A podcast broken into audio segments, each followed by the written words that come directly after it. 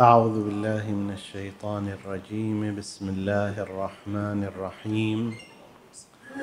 والصلاة والسلام على أشرف الأنبياء والمرسلين محمد وعلى آل بيته الطيبين الطاهرين.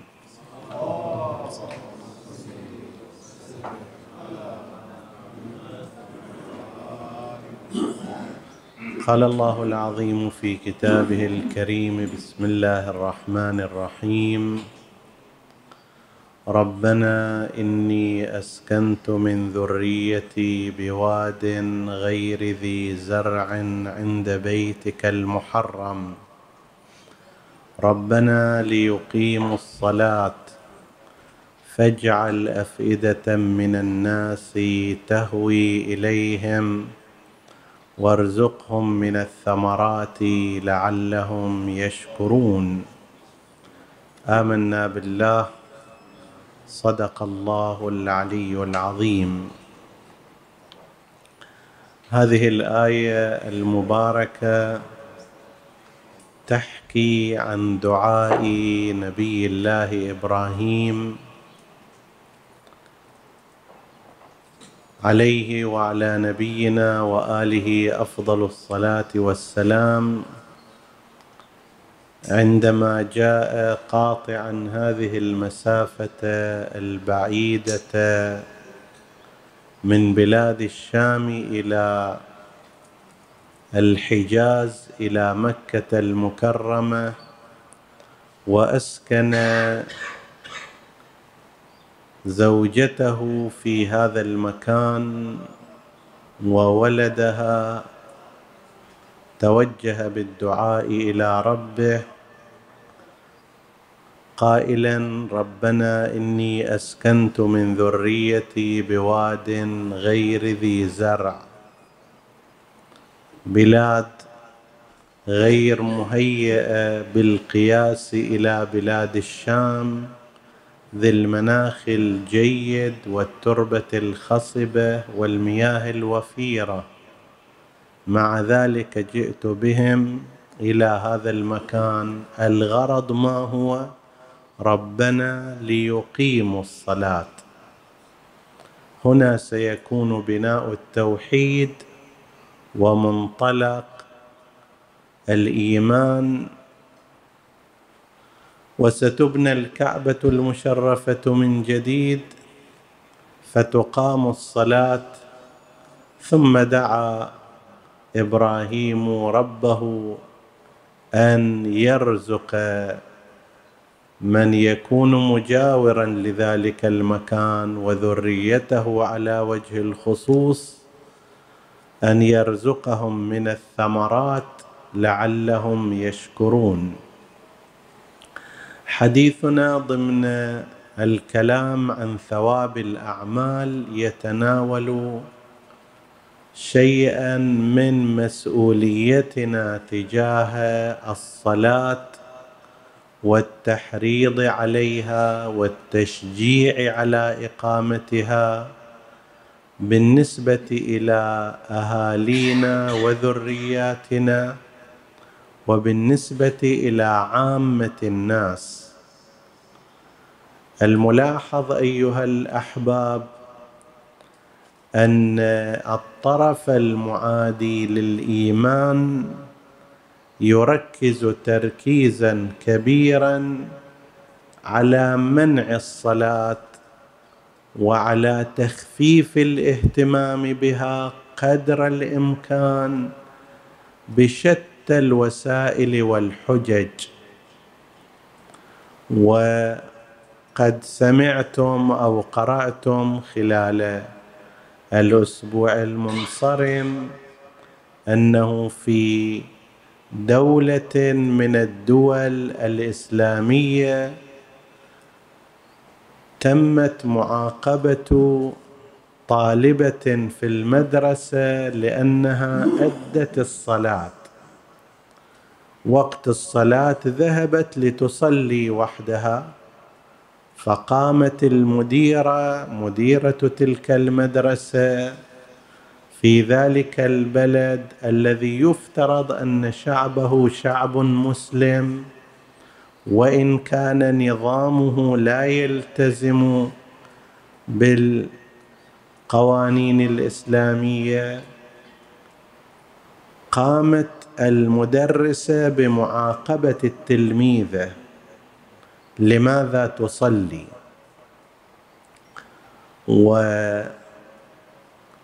وعندما سئلت الوزيرة وزيرة التعليم في ذلك البلد عن هذه الحادثة قالت الأمر طبيعي لأن المدرسة لم تجعل للصلاة وإنما هي للتعليم فما قامت به المديرة أمر طبيعي على وفق القانون.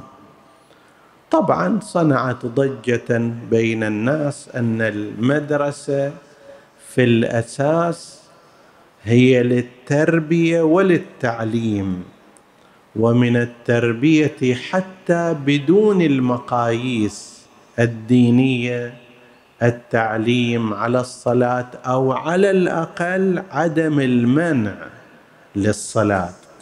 إذا كان مثلا ذلك البلد ينتهج منهجا علمانيا لنفترض. العلمانية يعني أن لا تجعل الدين حاكما ولكن لا يعني أيضا أننا نتحكم فيك في رفض الدين. بالعلمانية نقضي على إيمانك. بالعلمانية نمنعك من الصلاة. بالعلمانية نمنعك من أداء الفرائض. وهذا يشير إلى أن من اللازم بالنسبة إلى المؤمنين أن يحرصوا على قضية تشجيع الصلاة والحث عليها. للأسف نحن نلحظ في هذه الفترات المتأخرة ولأسباب متعددة أن الالتزام بالصلاة ليس بالمستوى الذي ينبغي أن يكون.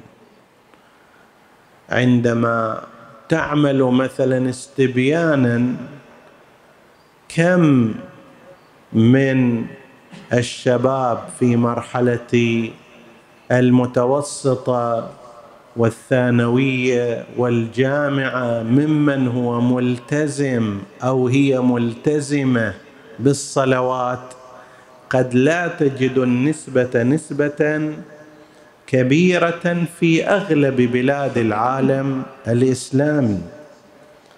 وهذا أمر غير صحيح ينبغي التفكير فيه. ولا تحسبن أن الأمر بعيد عنا. لا من الممكن أن هذه الأمواج تصل إلينا. من الممكن عبر وسائل التواصل عبر الصداقات عبر الإعلام عبر الأفلام غير ذلك من الأمور أن تصل إلى أبنائنا أيضا إلى بناتنا. إلى صغارنا إلى شبابنا. لذلك ينبغي التفكير في هذا الأمر والاهتمام به. سوف نتعرض في حديثنا هذا إلى عدة أمور يستطيع المجتمع بالنتيجة أن ينتفع منها بإشاعة الصلاة. اولا بيئة البيت. بيئة البيت مؤثرة أشد التأثير في اهتمام الأبناء والبنات في قضية الصلاة. إحداهن كتبت أنه أنا بنتي بالغه مكلفه من الناحية الشرعية ولكن مرة تصلي ومرة تضيع الصلاة. مرة تصليها أول الوقت مرة آخر الوقت مرة لا تصليها أصلا. فماذا أصنع؟ بقليل من المحاورة تبين أن الاهتمام في داخل البيت من قبل الأبوين ليس كافيا بالصلاة فهذا ينعكس على البنات ينعكس على الأبناء. إذا رأى مثلا الابن أباه جالس لنفترض على الفيلم إلى أن ينتهي حتى وقت الصلاة مر عليه وهو لا يزال ينتظر إلى آخر الفيلم. هذا ما يحتاج بعد الأب يقول له ترى الصلاة مو مهمة. هو يلتقط هذه الرسالة الابن يلتقطها التقاط سريع وتتحول عنده أحيانا مو إلى اهتمام بأول الوقت وإنما إلى عدم اهتمام بأصل الصلاة. أنه لو راح أول الوقت هذا جدا طبيعي. لا بل حتى إذا راحت كلها هسه انشغل الواحد. إذا رأت الفتاة أمها مثلا منشغلة بالمطبخ صار وقت الصلاة. بين أن تقصص البصل وتفرم الطماطه مثلا وبين أن تترك هذا وتذهب لتصلي فرضها. إذا اختارت المطبخ على أول الوقت. هذا نفسه يعطي رسالة إلى البنت غير مباشرة. ترى الصلاة مو أهم حتى من تقشير البصل. طيب تقشير البصل أهم من الصلاة في أول وقتها. بدون كلام هذا ينتقل بدون كلام. وأمثال ذلك. عكس الأمر شخص يتصل في وقت معين حتى لو كان اتصال مهم الأذان يؤذن في المقابل هذا وأمام ابنائي يقول له عفوا الآن أنا أستعد للصلاة خلي مكالمتنا إلى ما بعد الصلاة. هذه الرسالة الإيجابية يلتقطها الابن والبنت التقاط على أن هذه الصلاة قيمتها وأهميتها أهم من أي شغل عند والدي حتى لو كان يدر عليه المال الوفير. فاولا في بيئة البيت ينبغي أن نعطي انطباعا نتعمد في ذلك. غير الاهتمام الحقيقي لا أحيانا يحتاج إلى إعلان. صدقة أحيانا مطلوب منها الإسرار وبعض الأحيان لا مطلوب شنو؟ ينفقون سرا وعلانية. يحتاج الإعلان إظهار الاهتمام بالصلاة هذا مهم. أنا عندما أقول لزيد أنا الآن لا أستطيع أن أصنع لك شيء لأني سأنشغل بالصلاة. هذا أمر مهم ما يكفي فقط أن اخليه في داخل نفسي أنا مهتم زايد بالصلاة. فبيئة البيت تحتاج إلى هذا الأمر. ومن بيئة البيت أيضا استرفاق الأبناء والبنات إلى المساجد والصلوات.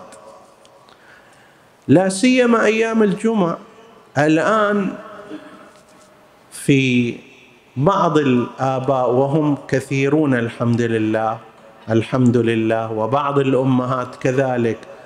قبل وقت الأذان بساعة ساعة ونصف هي بدأت الأم أو الأب انشغل بمقدمات الصلاة.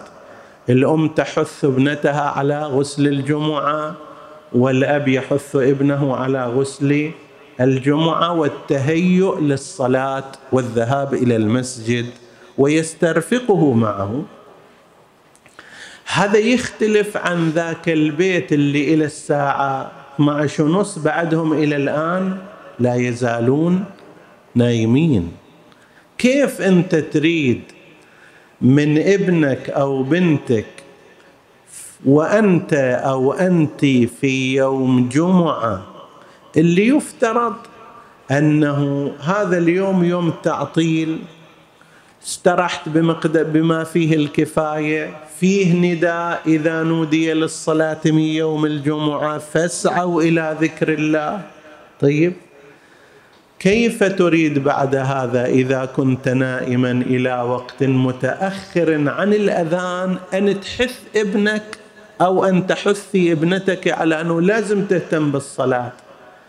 لا ينظر الأبناء إلى أقوالنا وإنما ينظرون إلى أفعالنا وإلى ممارساتنا.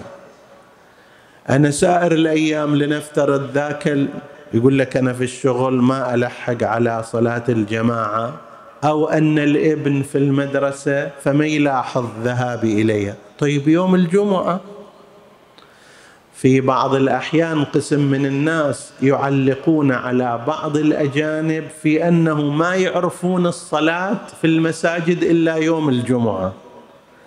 أكو عندنا قسم من الناس من هالنوعية حتى يوم الجمعة أيضا هو ما يعرف الصلاة في المسجد لأنه يكون نائما إلى وقت الأذان وما بعد الأذان.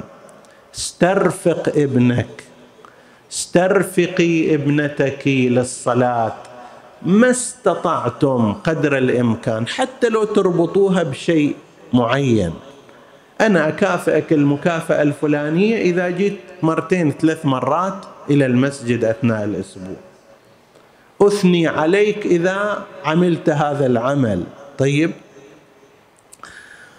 فهذا أيضا من بيئة البيت المساعدة على الالتزام في وقت الصلاة ينقل عن نبينا المصطفى محمد.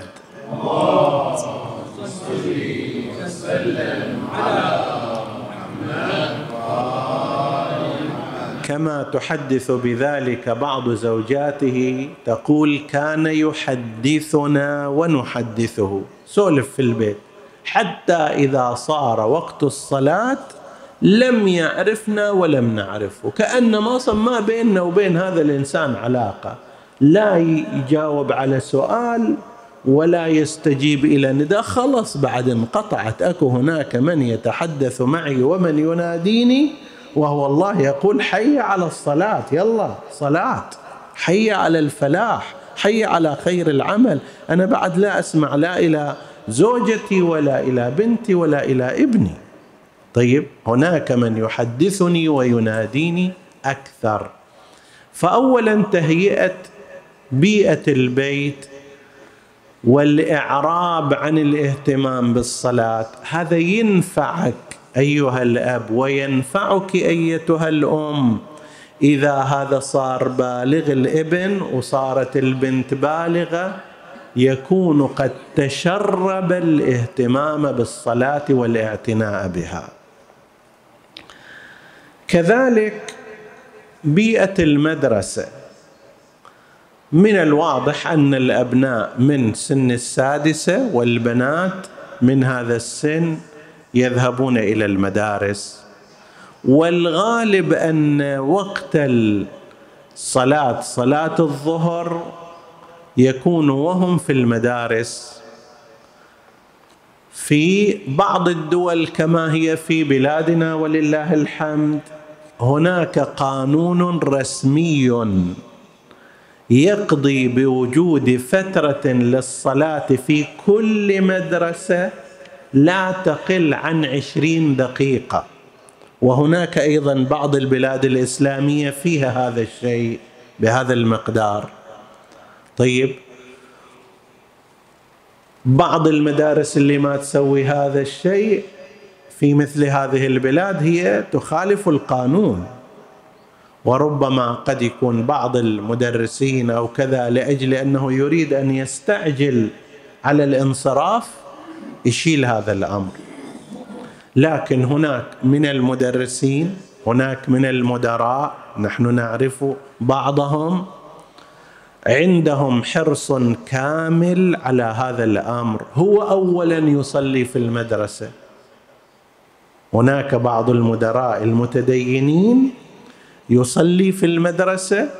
هناك بعض المدرسين الهادفين يصلون في المدرسة. لا تعلم أيها الأخ كم من الأثر يتخلف في نفس ذلك الطالب عندما يرى المدير أمامه يصلي والمدرس أمامه يصلي. هذا يزيل أمامه مجموعة أشياء. أول شيء التخوف قسم من الأولاد لا سيما الأولاد في مرحلة المتوسطة أو ما شابهها. يتخوف أنه لعله هذا غير مسموح إلى فإذا رأى المدير أو رأى المدرس يصليان انكسر هذا الحاجز. قسم منهم يخجلون يقول لعل الباقين يستهزئون بي يسخرون بي. فإذا رأى المدرس والمدير يدر يصليان في المدرسة هذا الحاجز انكسر. تأثير هذا العمل من قبل المدير ومن قبل المدرس أعظم بكثير من محاضرة ذلك الشيخ ومن توجيه ذلك الخطيب. هذا معنى كونوا دعاة لنا صامتين أو بغير ألسنتكم أو بأعمالكم كما ورد في آثار متفرقة عن المعصومين عليهم السلام. أنت هنا من دون أن تتكلم أنت داع إلى الله. من دون أن تتحدث أنت تنقل الأمر بالصلاة وإشاعتها في داخل المدرسة. فأنا أوصي إخوتي المدراء إخوتي المدرسين بل الطلاب الهادفين ممن هم متقدمون في المدرسة. قد يكون واحد مثلا في الصف الثالث وهناك من هو دونه أقيموا الصلاة في المساجد في في المدارس صلوا في المدارس. فإن هذه دعوه للاحتفاء بالصلاة والتشجيع عليها. أيها المدير المكرم أيها المدرس المحترم أنت هنا تقوم بعمل من الأعمال الكبيرة. الطلاب ينظرون إلى مدرسهم نظرة كبيرة فيها إجلال فيها تعظيم. فانتفع من هذا في مثل هذا الأمر. انصح بلسانك وخير من ذلك أن تطبقه بالعمل. وهكذا الحال بالنسبة إلى بيئة الأعمال بيئة الشركة التي أعمل فيها. في المستشفى الذي أعمل فيه في المؤسسة التي أنا موظف فيها وقت الصلاة. لا سيما كما قلت في بلادنا وفي كثير من البلدان الإسلامية توجد فترة للصلاة. هاي الفترة فترة الصلاة. طيب فاستفد منها. اولا أنت لكي تصلي في أول الوقت وفيها عظمة وأجر كبير وأيضا بفعلك هذا تكون داعيا إلى الله سراج منير كما كان رسول الله صلى الله عليه وآله. أنت هنا مبشر بالصلاة منذر لمخالفة الصلاة وعن مخالفة الصلاة سراج منير تضيء للآخرين تزيل الحواجز. فبيئة العمل أيضا من المناسب أن يتم التأكيد عليها والاهتمام بها. من أجل إشاعة الصلاة. وهكذا الحال في سائر المواقع النادي الرياضي. أنا رأيت بعض النوادي الرياضية بمقدار ما يكون المدرب فيها ملتزما بموضوع الصلاة. تجد من يتدرب عنده أيضا متأثر بأخلاقياته وتدينه. أول وقت الصلاة إذا صادف وقت الصلاة مقدار عشر دقائق يروح هو يصلي حتى لو لم يقل لهم والأفضل أن يقول لمن يتدرب عنده.